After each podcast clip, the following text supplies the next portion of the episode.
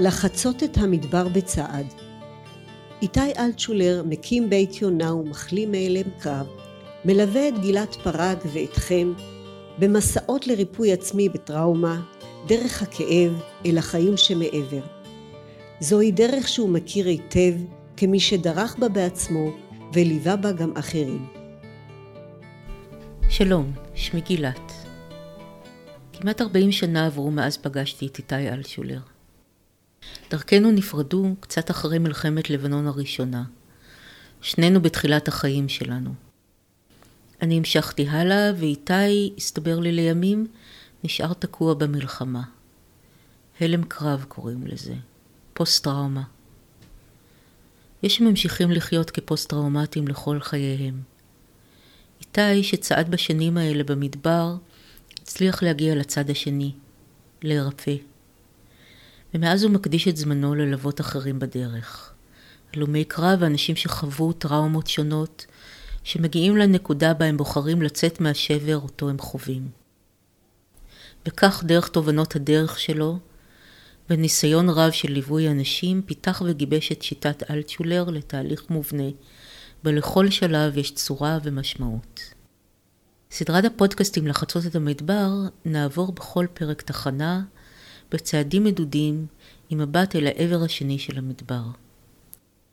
ולפני שיוצאים לדרך, נפגשנו איתי ואני לפגישת הכנה למסע, עם המון שאלות על איתי, בית יונה שהקים ובכלל. אז בואו נתחיל. שלום איתי. שלום גילת. אנחנו מתחילים במסע. יש לו איזשהו סוף? המסע שמדובר בו הוא לא סתם מסע, הוא מסע ריפוי, מסע ריפוי מפוסט-טראומה. פוסט-טראומה בדרך כלל נחווית ומוצגת לסובלים ממנה כמין סוג של מחלה כרונית, ולכן אה, אנשים לא נוטים לחשוב שיש סוף למין מסע ריפוי כזה. במקרה שלנו, לפי הבנתי, יש לה מסע סוף, שבו אדם מגיע לנקודה שבה הוא מרגיש שהוא יכול לחיות חיים מלאים, שכוללים את הסיפור הטראומטי שלו בתור חלק מהביוגרפיה שלו, עם הרבה הרבה הרבה פחות סימפטומים שהוא סובל מהם, וחלק מהם בכלל נעלמים. והתחושה היא שנפתח אופק חדש בסוף המסע. המסע יכול להימשך שנה, שנתיים, שזה נשמע הרבה, אבל במסע האישי שלי הוא נמשך 15 או 17 שנה, תלוי ממתי סופרים, ולכן בזכות הכלים והמיומנויות שלומדים במסע הזה, אפשר מאוד לקצר את התהליך ולהגיע לנקודה שבה האירועים הטראומטיים והסימפטומים הפוסט-טראומטיים אה, אה, הופכים להיות אה, משקל מידתי לחיים עצמם. מה זה אומר חיים מלאים? חיים מלאים זה אומר שיש לך תחושה שאתה מנהל את החיים ולא משהו אחר מנהל את החיים שלך, שיש לך נגישות, יש לך או לך נגישות למנעד שלם של רגשות, במידה של עוצמה של הרגשות שאתה יכול להכיל ולהתמודד איתם. חיים אה, שאתה תוכל להגדיר לעצמך שהם באמת מלאים מבחינתך. זה נשמע כמו משהו שקשה לדמיין אותו למי שנמצא במצב אקוטי של פוסט-טראומה. ללא ספק, זה קשה מאוד לדמיין, לא, אדם במצב כזה לא יכול לראות את זה בכלל. מה שהוא היה שמח לראות, וזה שהוא יחזור להיות מי שהוא היה קודם, לפני הטלטולים הטראומטיים. לצערי, דבר כזה לא יכול לקרות, כי אנחנו לא יכולים למחוק חלק מהעבר שלנו, ולכן תהליך ההבראה מפוסט טראומה הוא לא תהליך של חזרה ותיקון של מה שהיה קודם וחזרה לתפקוד קודם, אלא שינוי, שבדרך כלל השינוי הזה הופך את החיים ליותר עשירים, יותר חזקים ויותר עוצמתיים ממה שהיו לאדם קודם. אבל מישהו בשל, בשלב הראשוני, זה לא מה שהוא מייחל לעצמו, הוא מייחל לעצמו פשוט לחזור להיות מי שהוא היה קודם. היה מתאים לחזור עכשיו לסיפור הטראומה שלך כדי להבין את הדברים אבל ביקשת שלא ניגע בו הפעם. אני לא רציתי לדבר על הטראומה שלי כי היא לא העניין בכלל. יצא בסיטואציות שונות, בתקופות שונות, ששוחחתי עליהן בבמות ציבוריות שונות על הטראומה שלי, והבנתי לאורך המסע שעשיתי עם אנשים אחרים, שלשם תהליך ההחלמה הסיפור הוא לא הדבר המרכזי. ולא משנה אם עברת אה, אה, איזושהי, או עברת איזושהי טראומה מינית, או מחלה קשה, או אובדן, או אירוע טרור, או, או כל סיפור אחר, הוא לא משנה לצורך ההחלמה.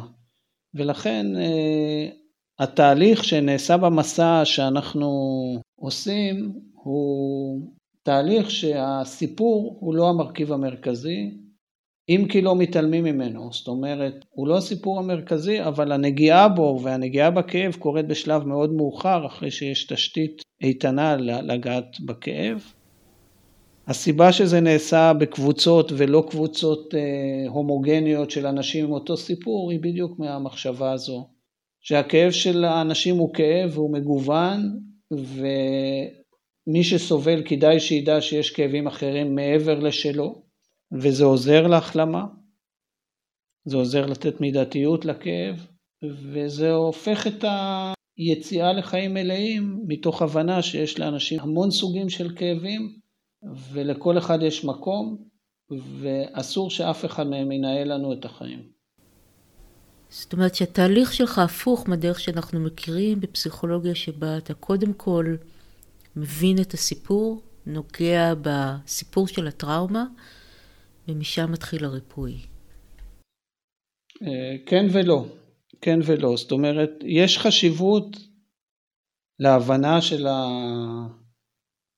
של האירוע האישי שעברת, למודעות לאספקטים שלו, אה, להבנה של מה שמשותף לכל מי שסובל מאותם סוגים של פגיעות, כי יש דברים משותפים.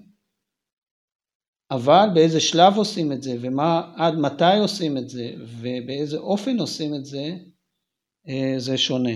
זאת אומרת, א', מודל העבודה שאני עובד בה הוא מודל אינטגרטיבי, שיש המון המון המון משקל לעשייה, גוף, טבע,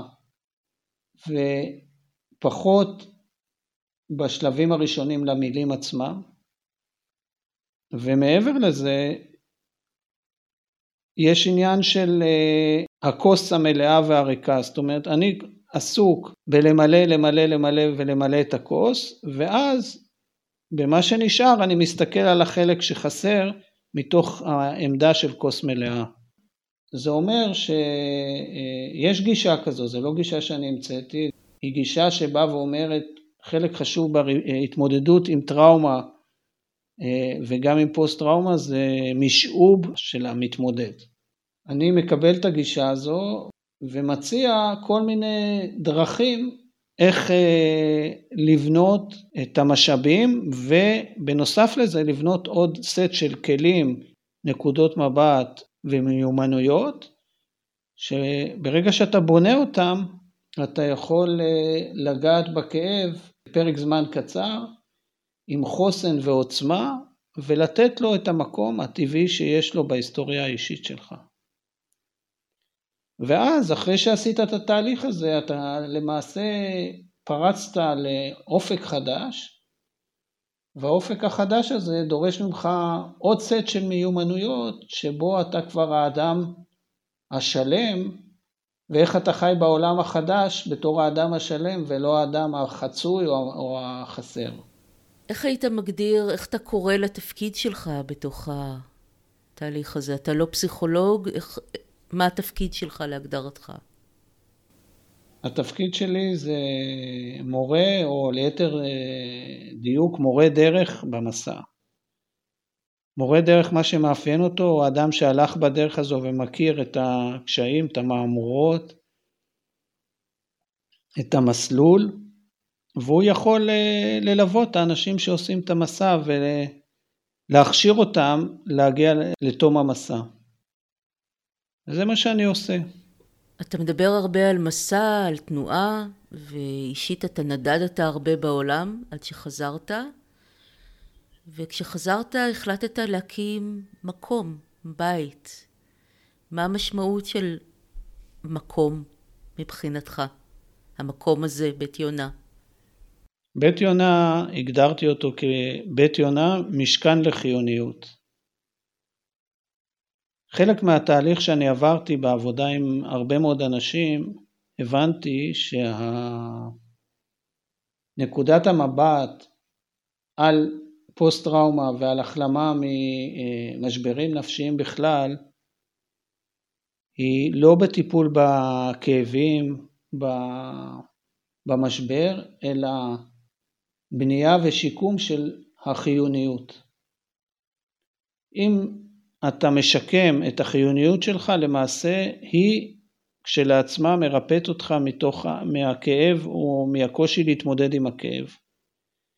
ולכן אה, מצאתי לנכון להקים אה, אקדמיה לחיוניות, שהמסע הזה הוא חלק מהתוכנית של האקדמיה, ובה באקדמיה לומדים מגוון עשיר ביותר של כלים ומיומנויות, שהפוקוס שלהם הוא שיקום וטיפוח החיוניות. אתה מדבר גם על חיוניות, על מה זה היסוד החי, מה זה? נתחיל ביסוד החי. אם אדם הוא לא מאוד עם חינוך ביקורתי וכל הזמן מנסה להבין דברים דרך ההיגיון, אז כשאתה אומר לו היסוד החי שלך, להתחבר ליסוד החי שלך, הוא לא שואל אותך מה זה, הוא, הוא אומר, כן, כן, אני יודע, אני מכיר את זה, אני יודע על מה אתה מדבר, יש לי, אין לי, זה, אני קרוב לזה, אני לא קרוב לזה, אבל הוא לא שאל את השאלה הזו. ואנשים כמוני, ואולי גם כמוך, שהם יותר אה, רציונליים, הם כן שואלים את השאלה, והם אה, מאוד נבוכים, לפחות אני מאוד נבוך, אה, מזה שקשה לי מאוד לתת תשובה. קשה לי לתת מאוד תשובה מהסיבה שהיסוד החי הזה הוא מאוד חמקמק. הוא מאוד חמקמק ומאוד קשה להגדיר אותו ולתפוס אותו, ואנחנו יודעים לזר... להכיר אותו אה, בשתי סיטואציות. אחת, זה שאנחנו מתגלים אצלנו כוחות על שאנחנו לא יודעים שיש לנו, שמקורם מהיסוד החי הזה, או לחלופין, כשהיסוד החי עצמו נסוג ומשתבלל, ומתחיל להיות לנו בלגן אטומי בחיים ואנחנו לא יודעים למה. ואז אנחנו מרגישים בהיעדר שלו. מה זה בדיוק?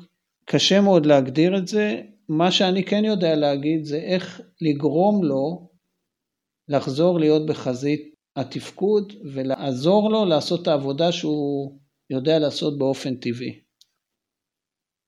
לגבי החיוניות, החיוניות היא מילה כללית שאני יכול לנסות להגדיר איך נראה האדם החיוני. אז האדם החיוני הוא אדם שמתנהל בחיים עם כיוון, מטרה ומשמעות. האדם החיוני הוא אדם שיודע לצאת ממשברים, להתמודד איתם. האדם החיוני הוא אדם ש... יודע להשתמש במלאי המשאבים הפנימיים והחיצוניים שלו, אה, הכוחות נפש והסביבה והחברים, כדי אה, לעשות אה, טוב, לא להשתמש רק בשביל לנצל. האדם החיוני הוא אדם שהוא פתוח לעולם הפנימי שלו, לרגשות, למחשבות, לכוחות הרוח, וגם פתוח לתקשורת עם הסביבה. הטראומה הופכת להיות פוסט טראומה, שזה הנושא שלנו, ברגע שהאדם לא מצליח אה, להתאושש מהמשבר, ועם חלוף הזמן החוסר היכולת שלו להתאושש מהמשבר עולה, אה, חוסר היכולת הולכת ומעמיקה, וכתוצאה מזה רמת החיוניות שלו יורדת, היכולת שלו להתמודד עם משברים, להיות נגיש לרגשות שלו ולסביבה והוא מאבד כיוון מטרה ומשמעות, לאט לאט החיוניות הולכת ויוצאת מתוך חייו וכשאדם ירצה להגיע למסע כזה הוא יהיה בדרך כלל עם חיוניות מאוד ירודה. ובמהלך המסע הוא, הוא ילמד איך לשקם אותה, וכשהיא תהיה משוקמת הוא ילמד איך לטפח אותה ולשמור עליה ברמה גבוהה. למעשה שיקום החיוניות וטיפוחה זה יצירת האפשרות לחוות את החיים כחיים מלאים. אבסטרקטי, אה? אבסטרקטי, כן. אני זוכרת שסיפרת לי פעם, ואני אשמח אולי אם תספר את זה עוד פעם. נתת את הדימוי של הצורך של הארנב להיכנס למאורה ברגע של הטראומה. הסיפור של הארנב עם המאורה מנסה לתאר מה קורה ליסוד החי אה, בסיטואציה טראומטית. כשיש אירוע טראומטי, אם אנחנו לוקחים את השפן יש, אה, או הארנב, יש אה, חיה שמאיימת עליו מבחינה קיומית, וכל חוויה טראומטית נחווית כאיום קיומי, והארנב בורח למחילה. הוא בורח למחילה והוא מוציא את הראש מדי פעם לראות מה המצב. אם הוא מרגיש שיש לו עוד איום, הוא חוזר למחילה. ופה אנחנו רואים אנשים שחוו חוויות טראומטיות, שהתחילו להתגבש לפוסט טראומה, שבאיזשהו שלב מפסיקים אפילו להוציא את הראש מהמאורה. לעומת זאת הארנב שאין לו פוסט טראומה, באיזשהו שלב הוא רעב יותר מדי והוא אומר על הבא באללה אני יוצא מהמאורה והולך לחפש אוכל, ואז הוא מגלה שהאיום כבר הסתלק והוא הכל בסדר. אנחנו בני האדם הרבה פעמים נשארים במאורה ולא יוצאים ממנה, אפילו שאנחנו ממש רעבים, אפילו שהחיים שלנו הופכים להיות יותר ויותר ויותר חסרים, ובלשון המקצועית קוראים לזה אה, תהליכי הימנעות. אנחנו הולכים ונמנעים יותר ויותר ממפגש עם העולם, ממפגש עם החיים, וזה מותר הארנב מהאדם, שהוא בכל זאת יוצא מהמאורה. והתהליך שאנחנו עושים הוא למעשה יציאה מדורגת של, ה, של היסוד אה, החי שלנו שמשתבלל ומתכמס, ואנחנו מייצרים לו איזשהו מין סיטואציה מוגנת ומאפשרת שבו הוא יאפשר, יוכל לבדוק לצאת מהמאורה ולראות שמה שאיים עליו פעם לא קיים עכשיו, ואם הוא קיים יש לו יכולת להתמודד איתו. המשך של התהליך והאוסף הניסיונות והחזרתיות נותנים, נות, נותנים את הביטחון שאפשר לצאת מהמאורה והחיים המלאים הם חיים שבהם אה, אתה חי מחוץ למאורה וכשאתה הולך לישון או אתה רוצה לאכול או אתה רוצה לנמנם אתה נכנס למאורה. למקום המוגן. המקום המוגן, המקום הביתי, תחושת הבית, כן. זה מה שרוב האנשים עושים, חשוב מאוד לזכור את זה, רוב האנשים עוברים חוויות טראומטיות וממשיכים לחיות. חלק מהאנשים הם לא מצליחים להמשיך לחיות ואז זה הופך להיות פוסט טראומה. פוסט טראומה וטראומה זה לא שתי מילים נרדפות. אחד זה חוויה שיש לאנשים בלי סוף בחיים בכל מיני צורות והפוסט טראומה כפי שהיא מוכרת או שאיך שאני קורא לזה נסיגת היסוד החי היא תגובה אפשרית ופחות אה, בריאה לאירוע טראומטי אחד או רבים. טראומה זה, אין, אה, זה תמיד יהיה ויש לנו מנגנון טבעי, להת, אה, מנגנון טבעי להתמודד איתו ועל בסיס המנגנון הטבעי הזה כל השיטה שלי בנויה שלבן אדם יש את היכולת הטבעית המובנית להתמודד עם טראומות בחייו. טראומה זה לא מילה גסה, זה לא דבר שאין, ש, שאפשר להימנע ממנו. אפשר להימנע מצמצום החיים בעקבות הטראומה. וזה קוראים לו חוסן. זאת אומרת שגם חלילה בטראומה הבאה יהיה לי כבר כלים להתמודד גם איתה. א', לא חלילה, כי בגלל שזה בטוח יקרה, אז אם את תהיי במצב אה, הגנתי של חלילה איזה אסון, אז אה, את כבר בעמדה לא טובה מול הטראומה, אה, אבל כן, יהיה לך כלים להגיד, אוקיי, עבר, עברתי את פרעה, אני אעבור גם את זה, בדיוק ככה. זה נשמע ממש אופטימי. זו גישה כעיקרון אופטימית ועם הוכחות במציאות. אבל גם הפסימים אומרים שלכל מה שהם אומרים יש הוכחות במציאות, כך ששניהם תקפים. טוב, היה לך ניסיון באמת לא רק על עצמך, אלא גם עבדת עם הרבה אנשים לאורך השנים, נכון? נכון מאוד, וזה מה שהוביל אותי להבין שהסיפור הוא לא הדבר המרכזי, כי עבדתי עם מגוון אינסופי של סיפורים. הייתי עד להמון רגעים מרגשים, שבו אנשים אה, עזרו אומץ ואמרו לעצמם, אני יכול, וגם יכלו.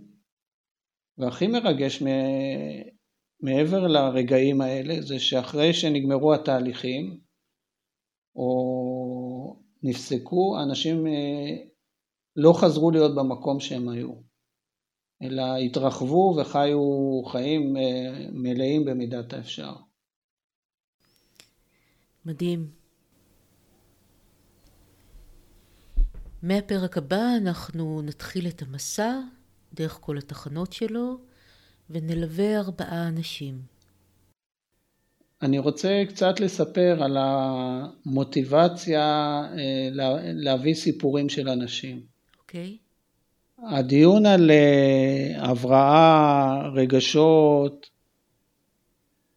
כאבים, יכול להיות מאוד מאוד אבסטרקטי. ובסופו של דבר, כל כאב, כל הבראה, כל אה, התמודדות וכל ניצחון הוא מאוד פרטי. ולכן חשבתי שיהיה מעניין, יפה ומרגש להביא סיפורים של אה, ארבעה אנשים שבאיזשהו מקום הם בהשראת אנשים שאני מכיר ולהמחיש דרכם אספקטים שונים של המסע בצורה לא תיאורטית, לא אה, עקרונית, לא שיטתית, אלא חווייתית. והאנשים שבחרתי, או הסיפורים, נקרא לזה, אני אספר, אני אציג את האנשים דרך הטראומות שלהם, למרות שזו הצגה ממש לא הוגנת כלפיהם,